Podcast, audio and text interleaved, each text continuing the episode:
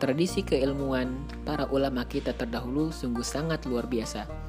Kaya akan literasi, penuh dengan ketulusan hati, sehingga sangat banyak karya-karya besar yang dihasilkan oleh para ulama kita terdahulu.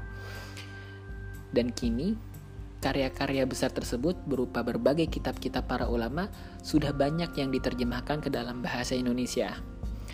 Namun sayangnya, kita umat muslim terkadang sukar untuk mendapatkan akses bisa belajar langsung dari kitab-kitab tersebut, entah dari kitabnya ataupun dari waktu untuk menyediakannya.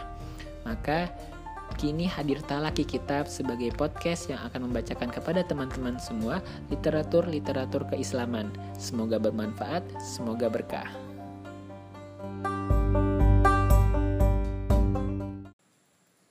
Bismillahirrahmanirrahim. Selamat datang di Talaki Kitab. Masih membacakan buku yang berjudul Tarbiyah Ruhiyah karya Dr. Abdullah Nasih Ulwan. Kini kita telah sampai pada sesi yang kelima. Insya Allah akan dibacakan mengenai jalan-jalan mencapai sifat takwa yang kedua, yaitu muraqabah.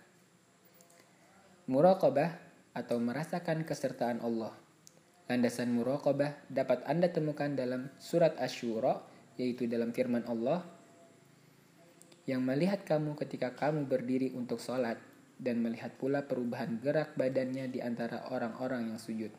Asyura ayat 218 219. Dalam sebuah hadis ketika Nabi Shallallahu alaihi wasallam ditanya tentang ihsan, beliau menjawab, hendaklah kamu beribadah kepada Allah seolah-olah kamu melihatnya. Dan jika memang kamu tidak melihatnya, maka sesungguhnya Allah melihat kamu. Makna muraqabah Muraqabah sebagaimana diisyaratkan oleh Al-Quran dan hadis ialah merasakan keagungan Allah Azza wa Jal di setiap waktu dan keadaan, serta merasakan kebersamaannya di kala sepi ataupun ramai. Cara muraqabah Sebelum memulai sesuatu pekerjaan dan di saat mengerjakannya, hendaklah seorang mukmin memeriksa dirinya. Apakah setiap gerak dalam melaksanakan amal dan ketaatannya dimaksudkan untuk kepentingan pribadi dan mencari popularitas atau karena dorongan ridho Allah dan menghendaki pahalanya. Jika benar-benar karena ridho Allah, maka ia akan melaksanakannya, kendati pun hawa nafsunya tidak setuju dan ingin meninggalkannya.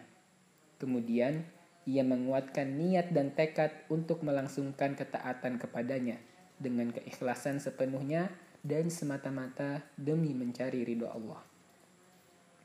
Itulah hakikat ikhlas. Itulah hakikat pembebasan diri dari penyakit nifak dan ria.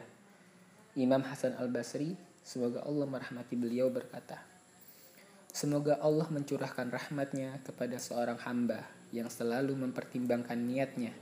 Bila semata-mata karena Allah, maka dilaksanakannya. Tetapi jika sebaliknya, maka ditinggalkannya. Macam-macam murokobah. Ada beberapa macam murokobah. Murokobah yang pertama adalah murokobah dalam melaksanakan ketaatan adalah dengan ikhlas kepadanya. Yang kedua, Muraqabah dalam kemaksiatan adalah dengan taubat, penyesalan, dan meninggalkannya secara total.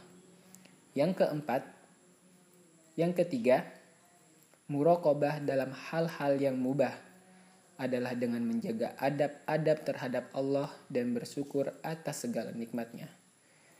Dan yang keempat, muraqabah dalam musibah adalah dengan ridho kepada ketentuan Allah serta memohon pertolongannya dengan penuh kesabaran.